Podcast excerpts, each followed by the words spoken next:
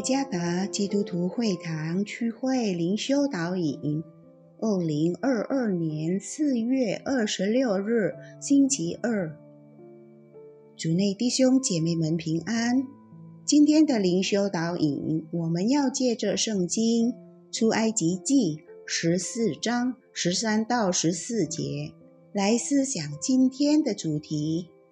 他与我们同在。作者。以马内利牧师，出埃及记十四章十三到十四节，摩西对百姓说：“不要惧怕，只管站住，看耶和华今天向你们所要施行的救恩，因为你们今天所看见的埃及人，必永远不再看见了。耶和华必为你们征战。”你们只管静默，不要作声。当我们的生活过得好而顺利时，我们很容易感受到神同在的意义。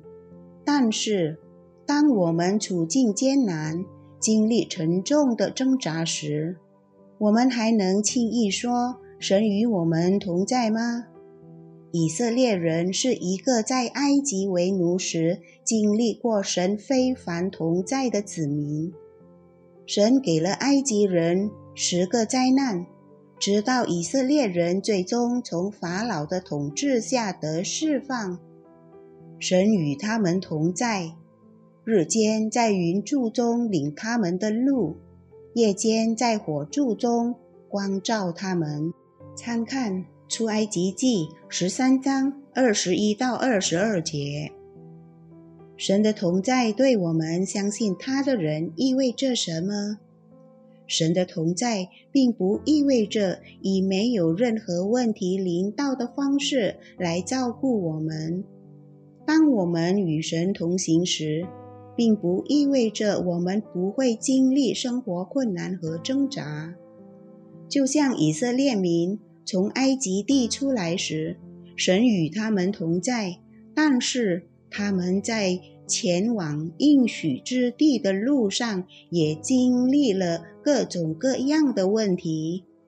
当法老追赶他们，以色列民回头看见埃及人正在追赶他们，便感到十分惧怕，并抱怨摩西以及神。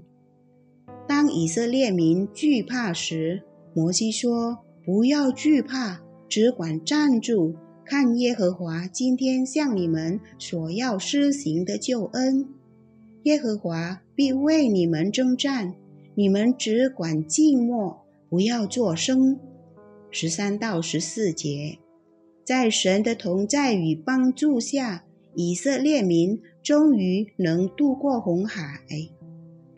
神的同在是即使我们必须经历旷野、海洋和生命的风暴，神始终与我们同在的一种信念。与我们同在的神将使我们能够度过所有困难，并赐予最好的出路。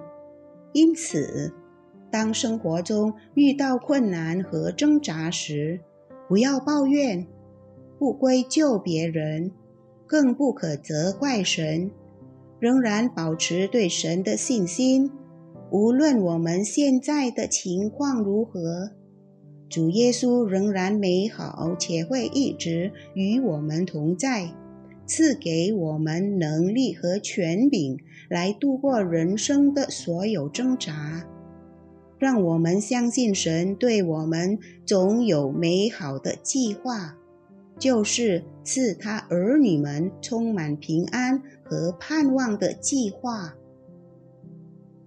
不要对他的同在感到怀疑，因为在任何情况下，他都是与我们同在信实的神。主耶稣赐福。